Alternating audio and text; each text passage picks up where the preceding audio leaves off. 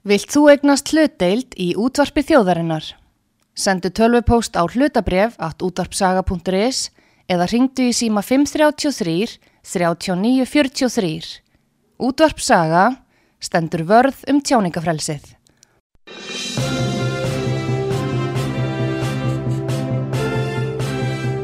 Þú ert að hlusta á frettir virkunar á útvarpi sögu.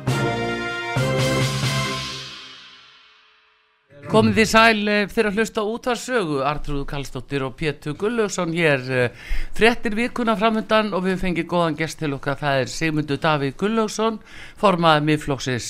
Hann er nýkominn frá Rúanda og við ætlum meðal annars að ræðum þá ferð við hann og fleiri málu auðvitað sem að hafa verið hér í Brenniteppli þessari viku, útlýtingamálin og uh, svo er það orkumálin sem að er að gera vastvísi og ekki vanþörf á átta sig á hverjar eru hugsanlegar afleðingar af orkupakka þrjú sem er að býta heldur betur í frendur okkar normenn mm. og við erum jafnvel að lendi í sömu stöðu. Eða hvað, góðan dag Simundur Davíð, velkomin og sögur Góðan dag, sæl og blessuð til hamingi með afmælið Já, þakka að kella fyrir nú, nú er ég sestur hérna í útastjórastólin á praktiskum ástæðum fekk ég að tilla mér hér Nú, nú reynir ég að snúa þess aðeins við og, og, og spyrði hvar fættistu? Fættistu í Flattegi?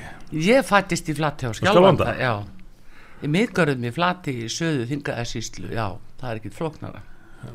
Skjálfanda. Þú ert ekta, ekta er Flattegingur, alveg. Og, hvernig var lífið þarna í Flattegi?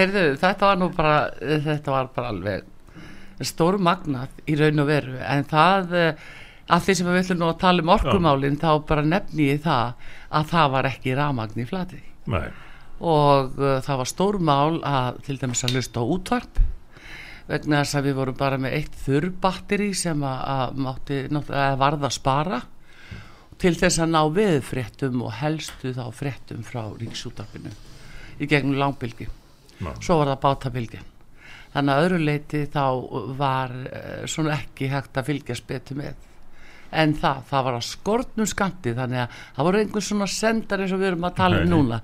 Það er ekkert svo leiðis og, og engin tölva. upplifað mikla breytingar á, á ekki lengri tíma? Já það, þannig að hérna, þessin er bara svo merkilegt að sjá auðvitað alveg gríðarlega breytingu og framfæri á Íslandi öll þessi ár og núna líka uh, hvaða er sem að þrengir að.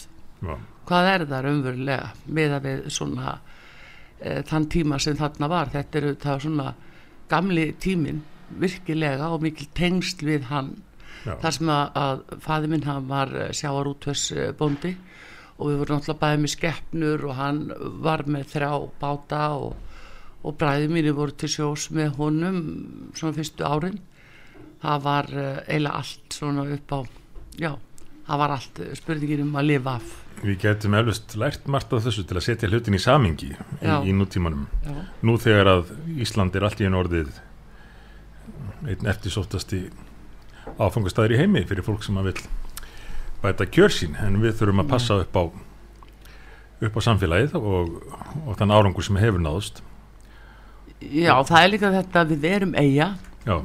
og hvað sem við erum lítilega stór og við hefum ekki nema takmarka að nála eða aðra og þú ert alltaf að hugsa um það að það kemur væntalega dagur eftir þennan dag og þarf að hafa fyrirhyggjusemi og það er það sem við Íslendinga þurfum að gera núna út á fæðuröki og öru slíku. Akkurat. að þú ferð ekki svo glatt í landi eða já, inn á meilandi sem við þarfum stöðu við núna. Afsakið skiltu ofmennast að setjast í hundastjórastólin en þetta er ágættist tilröð hjá þér Sigmundur okay, Davíð. Ég sé það að þú sækir í því veðrið og, og hérna hver veit hvar þú endar eins og þarstendur en uh, allavegna þá ætlum við að, að ræða við þig uh, um uh, þessa helstu fréttir og það eru þetta útlendingamálin. Þú nýkóðum frá Rúanda og það var nú Sigmundur uh, tala um það hérna, áður en þú fórst út að þú vildi til dæmis bara jafnvel senda þá sem hinga leita bara beint til rúanda. Svo ja. næsta sem maður veit þá er þú komið ánga skilur þú, hvernig var þetta? Óvænt atbyrðar ás allt saman kannski það byrtist þarna fyrirsögnum um að eða sem gaf það í skín að það var í sérstaklega markmið mitt að senda alla hælislitundur til Rúanda mm. það hafði svo sem ekki sagt í, í viðtælinu en ég hafði opnað það að við færim samstarf með til að mynda Danmörku mm. þar sem að stjórnvöld undir fóristu sósjaldemokrata hafa kallað eftir samstarfið önnurlönd um uh, rekstur móttökumiðstöða utan landsins. Og Rúanda þar með talið verið nefnt. Bresk stjórnvöld hafa einnig litið til Rúanda.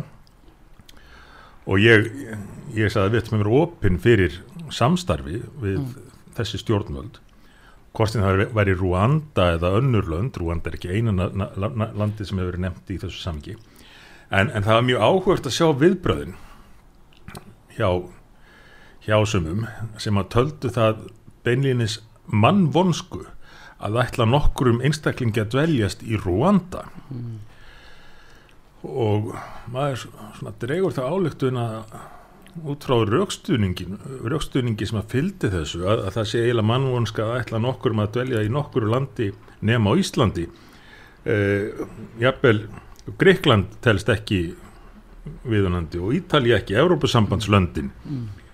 Oft er þetta þó fólk sem að hefur mikla mætur á Európusambandin og telja, telja að við þurfum að bjarga okkur með því að ganga þarinn en, en þetta er svona lýsandi fyrir umræðina um, um þennan málaflokk.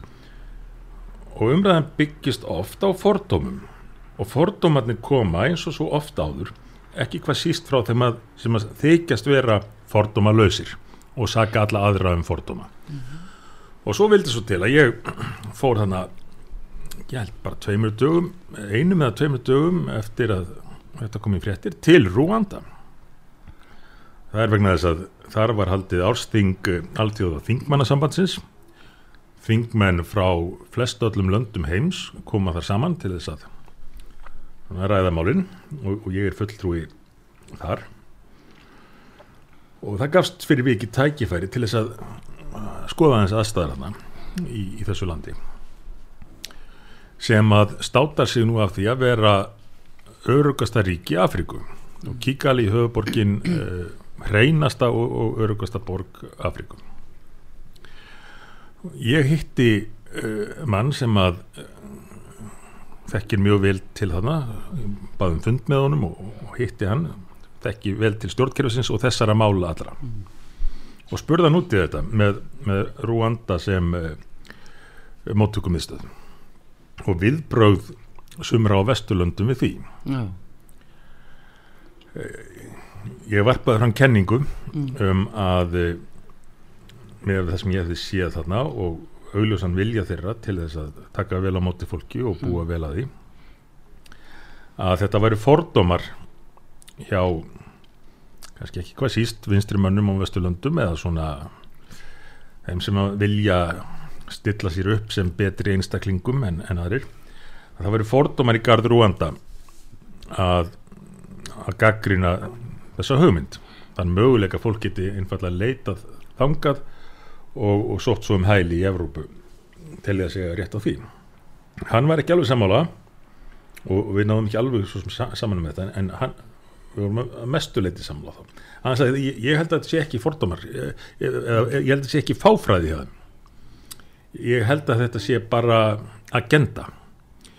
Ég held að við til alveg eh, hvernig staðan er hér og að við ráðum við þetta og munum passa vel upp á fólk. Mm. en það bara hendar ekki málflutningi þessa fólks.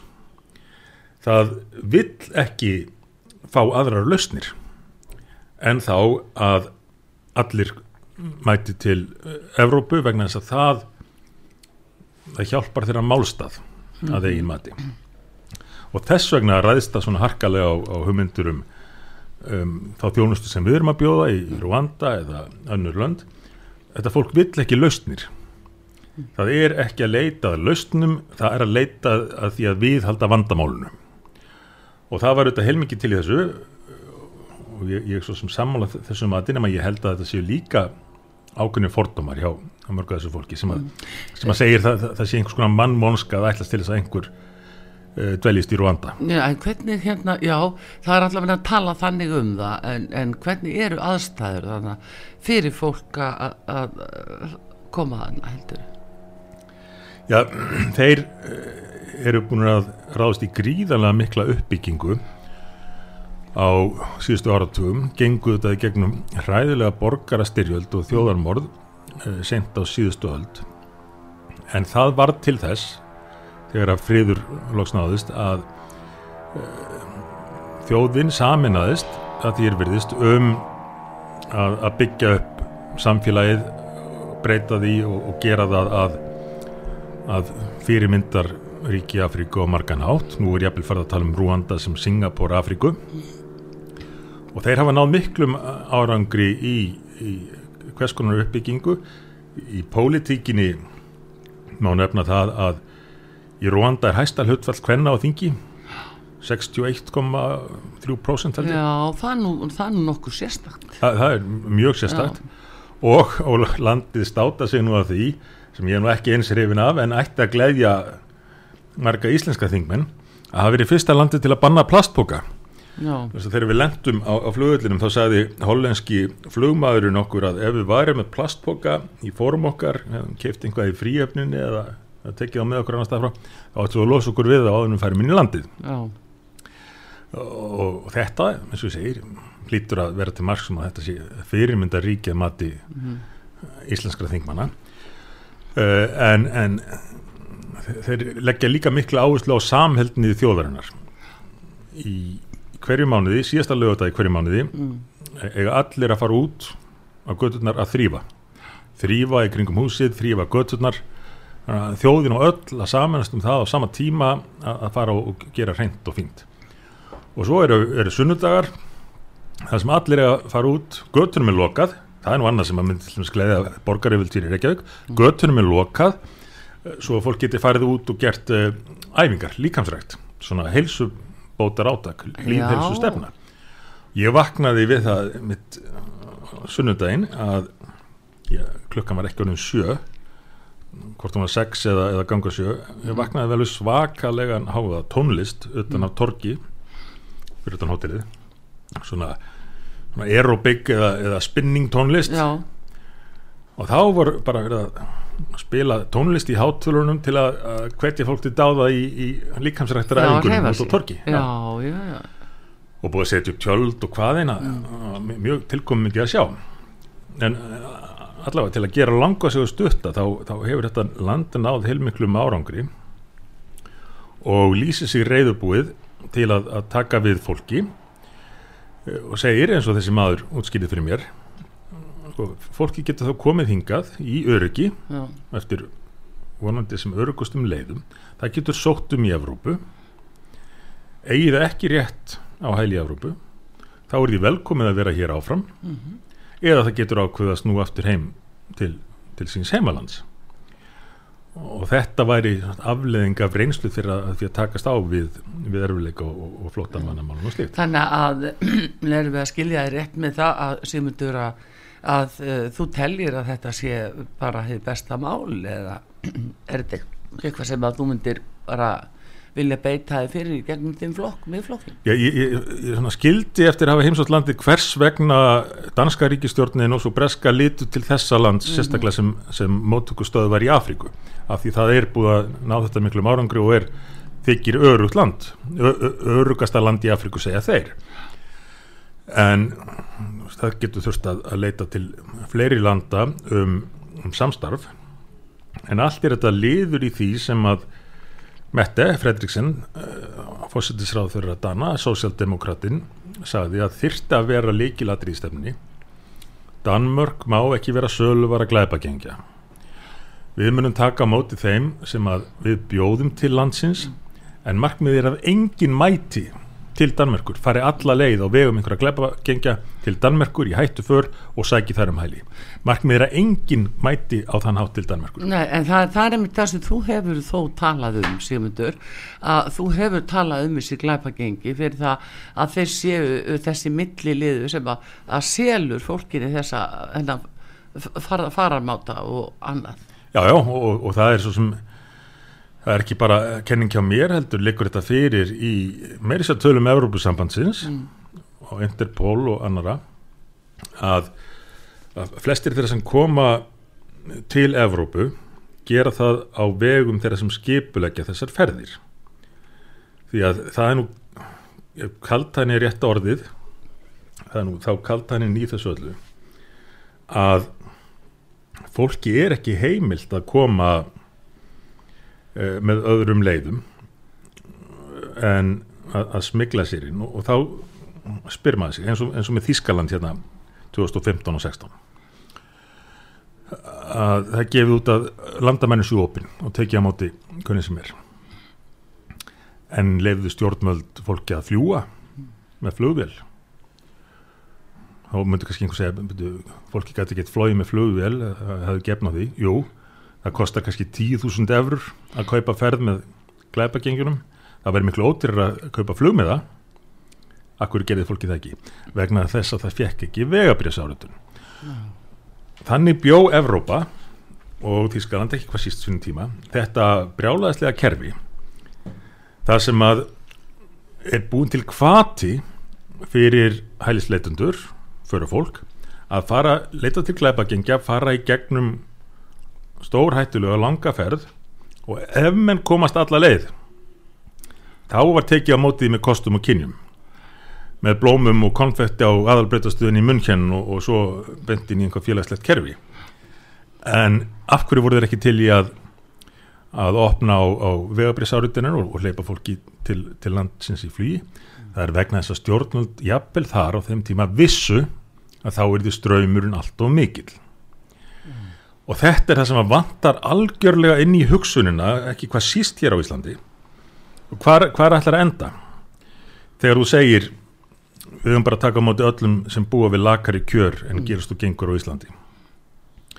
Þá, þá spyr ég á móti, já já, og hvernig ætlar að taka á móti? Maður ætlar að gefa öllum sem hafa áhuga að koma til Íslands og standa höllum fæti í vegabriðsáratun til landsins uh, og lefa það með fljúa hingað. Uh, hvað ætlar að draga mörkin því að ef að þetta heldur áfram að vera eins opið á Íslandi og, og raunin er og ég heyri á sumum stjórnaliðum að þeir vilja helst bara opna þetta ennþá meira þá endar þetta hverki þá ekst jamt og þétt aðdráttaraflið þanga til ekki verðu við neitt ráðið. Já, og nú er orðið erfitt að ráða við þetta. Þannig að nú er fólki gert svona erfitt fyrir Uh, viljandi, það já. er sett í þessa hættu. Það er sett í með báðar hendur upp í kynni á ljóninu. Já, já. má segja. E, af pólitískum ástæðum. Af pólitískum ástæðum. Þetta er sko takmörkunum og flæður mm. hún pelst í því að láta glæpa genginum að senda fólki gegnum alla þessa ferð mm. yfir miðjarfahafið eða einhver fjöll og, og svo fröðins og ef þú kemst alla leið þá er, er þið tekið með kostum og kynjum og stjórnmálamadurinn hann klappar sjálfum sér á bakkið og, og, og sínir myndirnar í sjónampinu sjáðu hvað ég er góður. Ég er að taka á móti öllu þessu fólki. En þú stjórnmálamöður, þú sendir þetta fólk til glæpagengja og í hættuför með því kerfi sem þú ert að bjóða upp á og þeim freystingum sem þú bjóðst til hér á þessum enda. Já. En er ekki einn vandin í sambandi við þessi mál, er í sambandi við það að það er svona óljóst hverjar eru alþjóðlega skuldbindningar okkar? Nú eru við í Schengen og við, ef við færum bara eftir sengensankomulæginu þá þurftum við ekki að taka við neinum hælisleitendur því að það koma nánast engir hælisleitendur beint frá strísraðu löndum þannig við getum bara farið eftir því og við höfum vist það. En uh, sko það er talagata þannig að okkur byrjir lagaskild að hafa opin eða halvopin landamæri og það séu ákveðnar alþjóðlega skuldbindingar hmm. sem að Íslands stjórnvöld verða að virða og það talaði með eins og við höfum glata fullveldu okkar í að ákveða það hverji koma hingað. Til dæmis þá stefna við myndum bara velja að hinga fólk, sérfræðing og aðra sem við þurfum á að halda á okkar fórsetum en erum ekki háðir einhverjum, einhverju já, vilja afstöðu hælisleita þess vegna sem hann vísar í allþjóðlega skuldbyrningar Jájá, þetta er alveg rétt. Það er svona eftir henduleika vísað í allþjóðlega skuldbyrningar en á Íslandi hefur hins vegar verið gefið töluvert meira sveigurum og bóðin meiri þjónusta en annar staðar til að gera Ísland að þetta vænlegum áfangastað. Og meira segja dómsmálaráþurinn núna og fjármálaráþurinn eru farnir að viðurkenna þetta. Eh, Jón Gunnarsson fann að tala um seglana sem að hér eru og, og viðurkenna að þetta sé afleiðing af stefnu íslenska stjórnvalda. Hún hafi búið til þennan aukna ströym til Íslands núna kannski tífaldur á við við Danmörku og Noreg. En, en hvað gera þeir í því? Eh, það, verist vera algjör vanmáttur að, að gera neitt í, þess, í þessu. En, en Simundur, er ekki vandin sá að borgarlegi flokkar hér á Íslandi og í Evrópu hafa algjörlega bröðist í þessu máli? Til dæmis breski íhalsflokkurinn þar segja menn, jú það þarf að stöðva þetta en í raun vilja er það ekki. Með sko þessu stór öflugur hluti innanflokksins. Þannig að það er aldrei tekin afgerðand afstæða í þessu málum. Og þeir sitja uppi, þeir, við sjáum þetta svo greinilega. Og, og hérna þannig að, að við vitum ekki til dæmis, tökum bara Íslands í dæmi. Hver er stefna sjálfstæðisflokksins í Já. þessu málum? Go, við höfum Sigriði Andersen sem kom með ákveðna stefnu. Já. svo var það dreigð tilbaka svo kemur önnur útgáfa sem er lagari en þó betri en engin hjá Jóni Já. og Jón neyðist til þess að fara þá leið og svo jafnvel á hann erfitt með að komast í gegn þess að hann hefur ekki stöðning frá flokksfélögun sínum Þetta eru afar áhugaverða spurningar ef við byrja á breska íhaldsfloknum sem ég sammálaður um að Já. hefur algjör að klúra þessum málum þá voru þó þar ímsir áhrifamenn og meðalans innanríkisráþurarnir eins og Pritti Patel Já. og Suela Breivermann báðar reyndar af erlendum uppruna en, en, en mjög áfram um það að ná tökum á uh, landamarunum en þá fenguður kerfið upp á móti sér. Kerfið grófstöðut undan þeim í, í sínu starfi. Þannig að fyrir vikið hjælt bara áfram ströymur og hann hjælt áfram að aukast frá Fraklandi til Breitlands sem segir nú sína sögu að þegar fólk sem var búið að fá eða átti að minnst kosti rétt á hæli í Fraklandi ákvað enguða síður að kaupa sér ferðir yfir Ermasund frá, uh, frá norðusturund Fraklands til að smigla sér til Breitlands þetta er það sem að menn kalla asylum shopping eða leit mm. að, að, að hæli það sem að mest þjónustæða eða, eða þeirra aðstæðar sem þú sækir helst í, er í bóði ja. og Ísland er farið að upplifa þetta aldilis núna, þetta asylum shopping þegar við erum farið að taka móti fólki og meiri hlutajabel sem að var búin að fá hæli í öðru Evrópulandi ja. og hverfa frá því sem að var grundvallarregla og ekki setta ástæðalösu eins og, og diplónareglugerður eða það, já, það ennþá verða einmitt. Þannig að við hverfum frá þessum reglum sem áttu nú að vera hanna til að koma einhverju skikka á þetta og á þeim tíma þegar þær voru virtar þá komur hlutvarslega færri til Íslands heldur en annar á Norðurlanda. Ekki bara færri, heldur líka hlutvarslega færri vegna þess að Ísland var fjarlægast að landið. Svo er farið að setja hér sérreglur og opna á þetta til mikill að muna eh, og og það hefur fyrirsjánlegar afleðingar eins og ég og, og fleiri miðflokkurinn sérstaklega er búin að benda á núna ár eftir ár eftir ár. Það er, það er algjörlega fyrirsjánlegt hver, hver áhrifin að þessu verða. Og þau eru að koma fram núna betur og betur. Og þá var sjálfstæðisflokknum. Er búið að skerða fullveldi Íslands í þessum innflytjand og hælisleit Já, já það, það er búið að gera það. En, en svo bara erum við með stjórnaldi sem að vilja ganga ennþá lengra í, í eftirgjöfni umfram þá skerðingu sem að hafi átti sér stað á Hvernig er hægt að skerða fullveldi þjóðunar þessu leiti þegar það er alls ekki leifti í stjórkar stjórnarskrá? Já, stundum held ég að menn Þetta er bara grundvallar Þannig er þeir að skerða fullveldið í þáu þess og margir er að gera þetta vegna þess að þeir sjá fram á það að þessir innflytjendur ef þeir koma hér og hælisleitendur í 2000-tali sem allt verður spenda til því miður mm -hmm. að þá verður þetta kjósendu framtíðarinnar og upp í staðinni kjósenda eh, hérna, kjósendum hjá kjósendum vinstriflokkan í framtíðin eins og er viða bæði já, í, í Evrópu, Frakland og annar stað Já, en það skýrir ekki afstöðu sjálfstæðisflokksins Og, já, og hann, þá, þá, hann, hann gerir sér ekki grein fyrir Nei, kannski ekki en, en, en sá flokkur tveir ráþurarflokksins, það er nú lítið hérst frá öðrum nema nema hugsanlega um verðandi dómsmálar á þeirra sem að tala nú reyndar allt öðruvísi en, en Jón Gunnarsson dómsmálar á þeirra uh, en, en þessi tveir á þeirra sem ég nefndi á þann fjármála og dómsmála hafa þó viðurkent að, að þetta sé komið í ofni og, og orði stjórnlaust eins og, eins og Jón Gunnarsson sagði sjálfur en þá minn ég nú á að það er ekki langt um liðið það eru fáinir mánuðir við lók síðasta þings að sjálfstæðisflokkurinn tók þátt í því að fullum krafti í þriðju tilrun að tróða í gegn frumvarfi sem að við höfum náðu að stoppa tvísvar með flokkurinn um svo kallega samræmda móttöku. Frumvarfi sem meira en flest eða nokkuð annað setur Íslanda korti sem áfangastað. Frumvarp sem fól það í sér að allir, sama hvernig þeir koma löglega eða ólöglega eh, ef þeir fá hér landvistalefi þá er þeir rétt á sömu þjónustu og þeir kvótaflóttamenn sem við höfum verið að bjóða til landsins. Og það var stefna hér að bjóða einhverjum tugum kvótaflóttamanna til landsins árlega og, og, og reyna að gera vel við þá aðlaga þá, veita þeim alla þjónustu fjárhastuðning og svo fremins en nú á þetta ná yfir alla, sama hvernig þeir koma og með þessu er verið að fara í þeirru og áttu hinn Norðurlöndin eins og ég vitnaði á hann í danska fósittisráðurna sem sagði enginn á að koma hingað að sækjum hæli bara þeir sem að sækjum annar staðar og er bóðið hér er verið að auglisa Ísland sem áfangastað þeirra sem er að skipulegja fólksflutningar. Og þetta samtíkti sjálfstæðarflokkurinn og tók þátt í að tróða í gegn í þriðju tilrönum fyrir örfámánuðin síðan. Nú segjast tveir ráð þeirra að vera einhvað að vakna í, í þessum málflokki en hvað mun þeir gera? Já, síðasta vísbendingin var í þinginu í gær þegar ég spurði fjármálar á þeirra út í afstöðu hans til uh, útlendingamál Sjón Skunnarssonar hvort að myndi stiðja það og gera á því þær breytingar sem þyrsti hann sagði já en dómsmálar á þeirra væri að reyna að vinna í málinu þannig að það væri hægt að koma því gegnum þingið.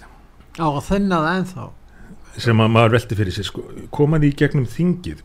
Þú ert semst að meina fjármálar á þeirra koma því gegnum ríkistjórnina því að ríkistjórnarflokkarnir hafi ekki haft neina ágjör af, af þinginu og öðru leiti fram að þessu.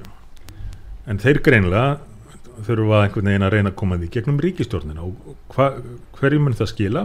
Verður þetta þynt út enn meira? Frumabyrði var að detti núna í morgun. Ég heyrði bara í, í fréttum á leðinu hingað að það væri komið, eh, það væri búið til að því. Eh, ég hef ekki náða að skoða það ennþá. En maður veldi fyrir sér hvort að þetta sé ríkistjórn sem að muni taka á þessum málum í samræmi við tilöfnið því það þarf að taka á því með afgerandi hætti rétt eins og dansku kratarnir hafa verið að gera með talsverðum árangri. Og, og markmiði hlítur fyrst og fremst að vera það að, að geta hjálpað þeim mest sem þurfa mest á hjálpa að halda. Og það ger við til dæmis með aðstóð já, í nærumhverjunu þar sem, sem fjármagnið nýtist en þarf ekki að ræða frekar sigmundur uh, málið út frá stjórnskipun Íslands? Hvað meiga ráðamenn gerir í þessu máli? Hvað meiga er ganga langt Þjóðin var aldrei spurðum það hvort ekki er ætti að vera fjölmenningarsamfélag. Þjóðin hefur aldrei verið spurð um neitt í þessum öfnum. Þetta eru ákvarðinir sem eru óafturkræfar. Ef við flytjum inn frá framandi löndum, 2000, fleiri og fleiri hingað, þá breytist allt samfélagið okkar. Menning okkar breytist. Við erum að gjör breyta þessu samfélagi og annarkort vilja menn ekkert viðurkenna slík stórtæk breyting ætti sér stað eins og þú bendir á það er enginn ekkert þakka á þessu. Nei. og eða þá að þeir segja að það er bara allt í lagi. Það er bara að vera það Já, já, sumir, sumir segja ég vil þingum með sjálfstæðisflokksins já, við þurfum bara fleira fólk. Sko, en á að nota hælisleitakerfi til þess að útvega fólki vinnu? Já, já, meina, þetta er nú eitt af því sérkynlega í þessum málflutningi öllum. Menn sveiflast á milli þess að raukstiðja þetta með því að við þurfum að aðstóða fólk í neyð og svo seflast yfir í það að segja já, við þurfum þetta fólk til að vinna fyrir okkur. Og merkingunni vinna fyrir okkur og læru launum heldur en Íslandingar eh, sætta sig við. Þannig að hvort er það? Er þetta kerfi byggt á því að við reynum að hjálpa fólki sem er í neyð eða snýst þetta um að við eh, fáum fólk frá öðrum löndum til þess að vinna fyrir okkur? Eh, það, það er yfirleitt ekkit heil brú í þessum málflutningi öllum og jafnvel varðandi eins og sérfræðingana sem að ég tek undir að við þurfum að hafa aðgangað sérfræðingum á, á hinnum ímsu sviðum eh, og hafa möguleika á því að fyrirtæki ráði til sín akkurat það fólk sem það þarf. En það má ekki gleyma því að, að þetta má ekki vera þannig að, að vestur lönd, Evrópa og Bandaríkin arðræni eh, fátakarlönd með því að taka af því alltaf fólk sem að þau lönd hafa lagt peningi að menta mm. og er nöðsynlega til þess að byggja upp þau samfélag eh, þegar ég segja arðrán þá, þá bara vísa ég það að hver er, hver er mikilvægast að öðlind hverjar þjóðar? Þetta heyrir maður aftur og aftur. Verðmættast öðlindin er fólkið og, og mentun og hæfileikar uh, fólksins og er það þá ekki arðrán ef að þá beinilins að vera stefna Vesturlanda eins og Kanada hefur nú nýttar gengið svolítið langt í að, að laða til sín sem flesta af þeim sem að aðrar þjóðir eru búin að fjárfesta í og er, er fólk sem að er nöðsynlegt þar til að byggja upp landið Þetta segir góðu gestur hér á útvarpi sögu fréttir vikunar og Sigmundur Daví Gullusson formaður miðflóksins og fyrir um fórsættisráðara. Hann er hér hjá okkur við höldum umræðinu áfram eftir skamastund.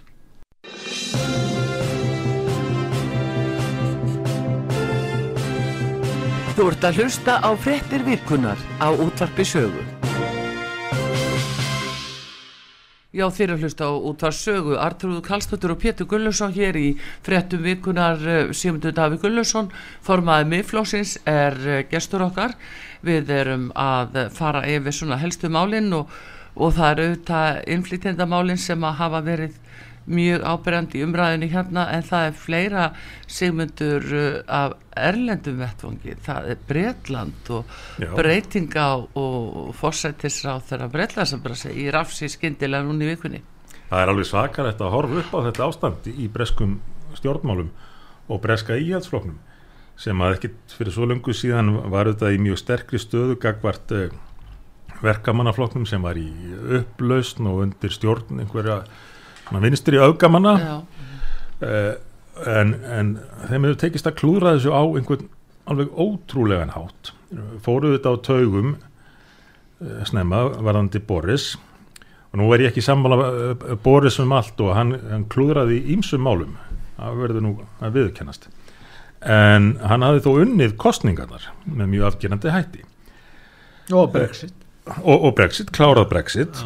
Ja. en en þá vegna einhverja atbyrða, einhverjar amalisköku og, og hitt og þetta og svona ágangs í fjölmiðlum sem hann, margir hverjir virtust bara vilja losna við hann fyrir allamunni þá fer stór hluti þingflokksins á, á taugum og ákveður að, að hag sínum sem best borgið hverjum einum uh, með því að, að skipta um forman og það verður einhvað allserjar fjasko úr því en og svo loks komast þér að niðurstöðu um, um Liz Truss og hún kemur með sínar hugmyndir og, og fjármálar á þeirra sem að hún hafi svo sem talað fyrir áður en hún var kjörinn en þá gaggrinir eh, hérna, allþjóða gældir í sjóðurinn þessar hugmyndir og einhverjar fleiri svona stofnarnir voru komin í strax og staði og menn fara aftur á taugum mm. og ekki lengja því og ég, ég er ekki ég, ég ætla ekki að segja að, að hugmyndir Liz Truss eða það hvernig hún kynnti þetta hafi verið fullkomið. En hún var allavega orðin fósittisráður af Breitlands og var að kynna þá stefni sem hún hefur bóðað uh, og menn fara aftur á tögum og og uh, sparka öðrum fósittisráð þeirra eins og að uh, það fylgist einhver, einhver styrklegi í því fyrir flokkin að sína að hann fari stöðt á taugum við minnsta tilefni og sé tilbúin að skipta um meginn fósittisráð þeirra ef að gaggrinn er nógu mikil. Já. þetta verður erfitt ástand fyrir þá í, í framhaldinu. Nú er verið að tala um að Boris snúi aftur. Já, hann er jáfnvel komin í potin aftur. Já, já. Jú, jú, og ekkit útilokað að hann gæti unnið þetta menn meta sem svo að hann er jú maðurnu sem að vann síðustu kostningar En vilja er ekki komið vekk fyrir sömundur kostningar, vilja er ekki bara ná samstöðum einhvern? Já, maður skildi ætla það. Já, þeir verða að uh, gera það einlega vegna þegar það verður kostningar næsta förstu dag að þá vera þrýri frambúði gert ráð fyrir það, það verður allt brjálað. Því já. alveg saman hver vinnur hinn er tveir mun ekki sæta sig nei, nei, það er, er þannig. Og, og, og breytingin á fylgi er alveg með ólíkjum ég Þeir fengið svona 70 þingmenn í staðin fyrir myndi 3 og 400 já, já, já. það, það gerist nú í Kanada sem er líka með svona ein, einmenningskjörðum þeir, þeir í alls menn það er döttinir í tvo þingmenn í einum kostningum og danski fólkeparti, konservatífum fólkeparti þeir fóru mjög út úr því. Þeir reyndu ná sér eitthvað þannig að sjálfstæðisflokkurinn þó að hann hafi fallið neyri 20% fylgi þá getur það fylgi haldið áfram að minga Já, já, það getur gert það. E ef, ef þeir ætla að halda áfram e, óljósri stefni í inflytjöndum. Já, og ef, ef við væri með einmenningskjördami hér, á því að mæla með því, sérstaklega, þá, væri sjálfstæðsflokkurinn líklega í, í enn meiri krísu, en, en af því að það er svona hlutvarslega kostning, þá, þá virðist hann bara líta svo á, já, er ekki best að reyna bara að hanga á þessum 20%. Sjálfstæðsflokkurinn er farin að lifa í óta. Það sem ég á við með því er að hann þorir vall að taka þátt í pólitík lengur eða reka sína stefni í þessari ríkistjórn af því hann óttast að þá verði bara til ministri stjórn og þeir verði dottnir út úr ríkistjórninni og hafi þá enga aðkoma hlutunum þannig að það sé betra bara að láta lítið fyrir sér fara og samþykja það sem framsóknarflokkurinn og ministri græni fara fram á.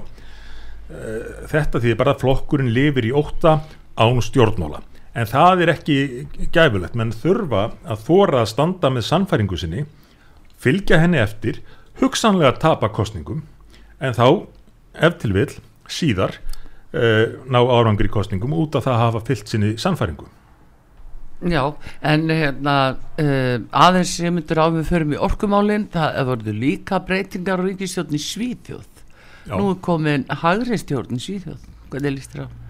Já, uh, hún verist fel í sér tölverða stefnubreitingu þær í landi, meðal annars í þessum málaflokki sem vorum að tala um hérna áðan hælisleitenda, innflýtendamálum og það er ekki bara vegna uh, svíþjóðademokratana heldur hafðu hinnir mið og hægri flokkanir allir breytt sinni stefnu allir nema hugsanlega einn smáflokkur en þeir hafðu rétt eins og dönsku kratanir reynd að laga sig aðeins að raunveruleikanum og, og það fælst þá í, í núna mjög breyttri stefnu þessari ríkistjórnar en ríkistjórnin sænska er líka að fara í átaki í orguframleyslu mm sem að er þetta orðið stórkoslegt vandamál í Evrópu uh, orgu óöryggi alfunar, mm. orgu skortur uh, sem að í, í vetur getur haft alveg skelvilegar afleðingar fyrir mörg lönd, jafnvel þróðust og ríkustu löndin eins og Þískaland Já, já, það er nú kannski allt sem bendir til þess en það er einmitt uh,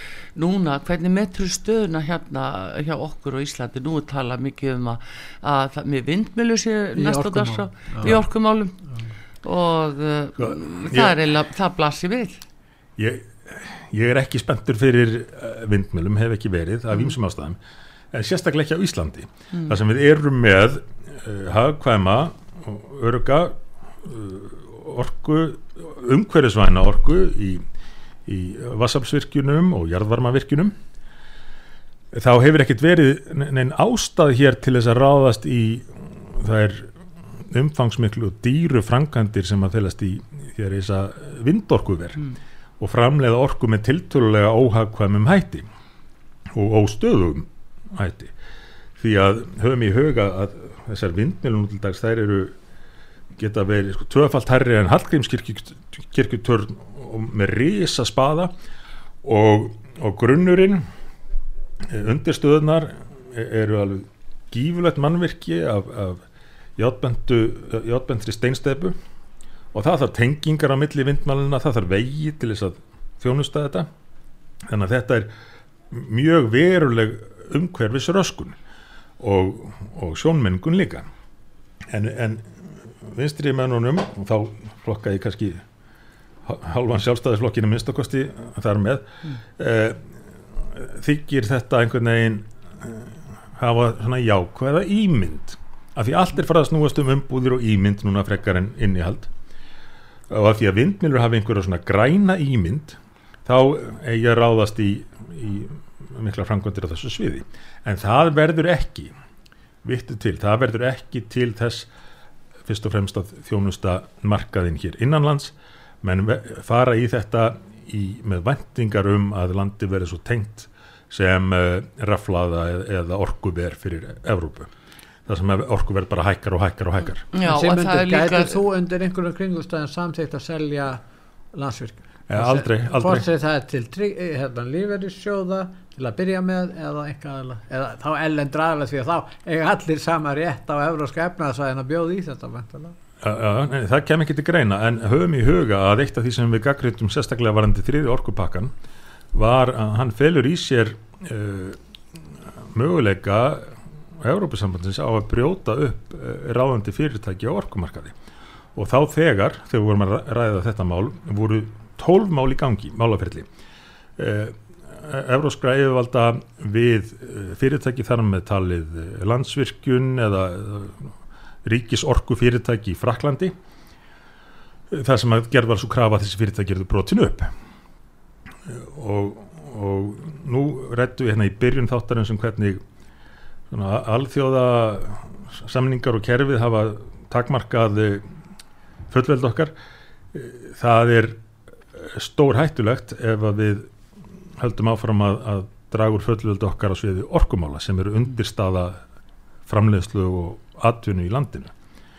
En mér finnst tróunin eh, ískikkilega á, á marganhátt og nú, nú liggur það fyrir að e, ef að við ætlum að ráðast í þessi orkuskipti sem að stjórnum búða, þá þurfum við að framleiða miklu meiri orku en það verðist ekki verið til staðar vilji til þess að framleiða yfir höfuð þá orku.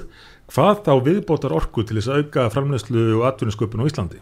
En það er talað um það að þessi eh, orkuvinnsla hún eigi sér stað með vindmilu framlýslunni, orkunni þar. Mm -hmm. en hérna en hún er miklu dýrar það er, svo, það er ekki engöngu þessu orst að lýsa eh, tæki undir sig stór landsvæði ja. og svo frammeðis heldur er ólíuvinnslan svo dýr og ef við förum á uppbóðsmarkaði í ólíumálum sem við mennum að leggja til Já. að þá náttúrulega myndi verðið meðast við þetta dýra orkuverð við orkuvinnslu vindmilu orkunar Já. og sem þýðir það að það er því það markasverð sem að neytendur á Íslanda væri að borga sem er markvallt að verðsin er, er að kaupa borga í dag þá já, já. koma þessi eisir áhrif já, á uh, uppbásmarka hjá landsniti það er ávíkjefni það, það var nú varað við þessu fyrir nokkrum árum að þetta getur stemt en mm. en það var þrætt fyrir það þá en, en svo bara heldur halda tannhjálp kerfisins áfram að snúast í sömu mhm. átt eins og ég hef oft nefnt hérna. En, en þetta varðandi hagkvæmni vindorkunar þá hefur það auðvitað mjög brenglað þá mynd að, að ríkið ríkið hafi verið að styrkja og niðurgreiða þessa orkuframleyslu mm. á kostnað annarar þannig að neytendur eru skatlaðir í auknumæli fyrir að nota orku og það er nota til þess að niðurgreiða oft á tíðum óhagkvæma fjárfestingu í, í orku framleyslu eins og Evrópa er nú aldeilis að býta á nálunni með núna og, og hvernig eru þessar vindmjölur framleitar? Jú, törnarnir eru framleitur úr stáli sem búið er til í Kína með kólabruna seglarnir e, í turbínunum eru líka framleitir í, í Kína í, til dæmis inn, innri Tíbet eða hvað hér að það nú heitir mm. næstu Tíbet Uh, það sem að búið að eiðilegja heilu héruðin vegna, vegna mengunar við þessa námuvinslu og uh, spaðarnir eru framleittir úr gerfefnum sem að er mjög erfitt að endurvinnið að gera neitt við. Og þetta endir svo í cirka 20 ár hver vindmila á meðan að vassfallsvirkjarnirna okkar vonandi endast í 200 ár. Meiri sé gasturbina framleiðir 200 falt meiri orgu með að við eh, kostnaðin að ráöfni sem þarf í að búa til uh, framleyslunum, búa til uh, turbínuna og, og það sem er tengt henni. En en nú leggjast meðan gegn gasi hér í Ísland, við erum með Íslandska ríkistjórn sjálfstæðisflokks, framsóknarflokks og VFG sem að vill ekki aðeins banna vinslu og olju og gas í íslensklu lögsu heldur banna rannsóknir Já. sem að er náttúrulega bara galið en nú er orkuvandin í Evrópu það að viðkjana hann allir já, já. nema íslenska ríkistóttin en, en væri það ekki sko ábyrðarleysi á hæsta stíi að huglega það að ganga inn í Evrópusambandi meðan að ástandið er eins og það er Jó, ég, ég sá nú að, að viðreist og samfélkingin voru enn og aftur komið með frumvarpum Já. að segja með alltaf Europasambanduru. Ég, ég leit nú þetta bara svona sem gjörning, svona að það gett grín, en þeir fyrir það strúa þessu en þá. Það, það er rauninni sama hvað kemur í ljós. Hversu margar efrukrísur mun ganga í gegnum og, og mikla valdsækni í Europasambandsins og yldelur þar á, á milli landa. Eh, hér er bara lítið framhjóðs af hálfu þeirra sem að vildu ganga þannig og bara höfðunum bara við steinin áfram. Þetta er oflýsandi því miður fyrir stjórnmálinn eins og þau eru orðin. Það er ekkit verið að líta til staðrinda og hvernig hlutinir þróast menn bara búin að festa sig í einhverji skoðun sem byggir á einhverji ímynd og halda áfram að hjakka í því Mm -hmm. Sigmundur, eh, hérna tím okkar er bara senn búinn, eh, veistu það og mér langar að nefna aðeins við því þarna svona stöðuna í efnaðasmálunum við svo sér það Já. en uh, bara östuð svona með það að hvernig sínist er að það sé haldið á málum verðbólgan er nú eitthvað að viljast vera að fara nýður en uh, erum við á réttri leið að þínu mati, þú hefur nú haft miklar og stórar hugmyndir í sambandi við efnarsmálinn hér. Já, já, og e, við getum rétt ímynda hvernig ástandi væri ef að það er hugmyndir sem við framkvæmdum á sínum tíma og gjör breyttum stöðu ríkisjóðs til eins betra ef það ekki verið ráðst í það mm. e, þá væri stæði ríkisjóðu núna svo veikt, sérstaklega eftir COVID-falaldurinn að e, verðbolga væri hér miklu, miklu meir en hún er núna og, og vextir sjálfsagt ennþá herri en það sem ég nú meðal annar hlut að verða að benda á er að þessar aðstæður hlítur ríkið að vilja hætta að leiða verðalagshækkanir eins og það hefur gert lengi nema með smá undantekningu þegar að það var annars konar ríkistótt mm. uh, og, og nú er, er áformin samkvæmt fjármála fjármála frumvarpinu að ríkið enn á ný, ríð á vaðið strax við næstu áramót og hækki öll möguleg göld og skatta og þetta sérstaklega allt svona sem hægt er að veita einhvern grænan stimpil hækki þar með eldsneiti eldsneiti sem er undirstaða svo margs annars, fluttninga og framleiðslu og svo framleiðs og dreifist mjög hrætt út í allt verðlag.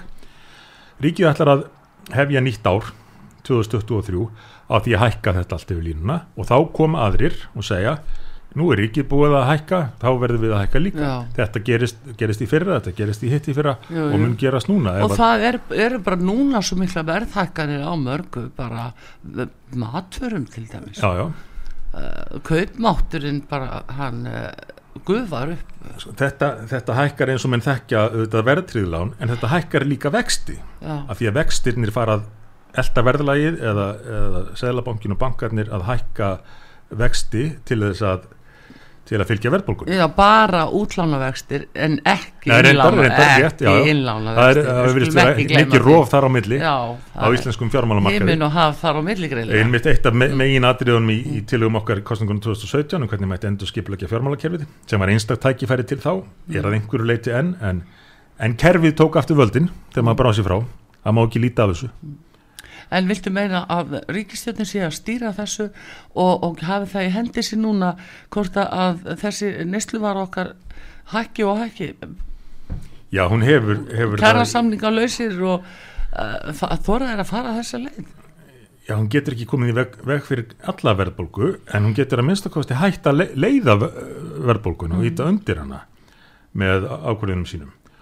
Og hún gæti komið til móts við neytendur með eins og ég hef nefnt að, lækka þó ekki verið nema tímabundið uh, skatta á, á matvæli, læra þrepp virðsöka skatts og, og eldsneiti við þessar aðstæður uh, en uh, það er, er að því er virðist lítill vilji til þess tannhjólkerfisins bara halda áfram að snúast í sumu átt. Kanski að lokum sem undur, alþingi samþýtti á sínum tíma orkupakka þrjú er einhver leið til þess að stöðva alþingi að það samþykja ekki orkupakka fjögur Þa, eins og staðin er í þinginu eins og stjórnmálin er á Íslandi Ég held að eina leiðins er svo að stjórnarflokkarnir verði hrætt við að leggja hann fram og samþykja hann ef að þeir finna Er það ekki, ekki gengið á eftir því jó, jó, jó. á Evrópu að þeir samþykja það? Það verður gengið á eftir því og, og, og mjög gremt sko, gengið á eftir því kakvart innlendum íslenskum stjórnvöldum, ennbætsmönum og ráþörum ég hef sagt hér áður sögu af því sem að maður uppliði sko, En það er þingmeini hluti til að samþykja orkupakka fjögur það ekki eins og staðan er þetta?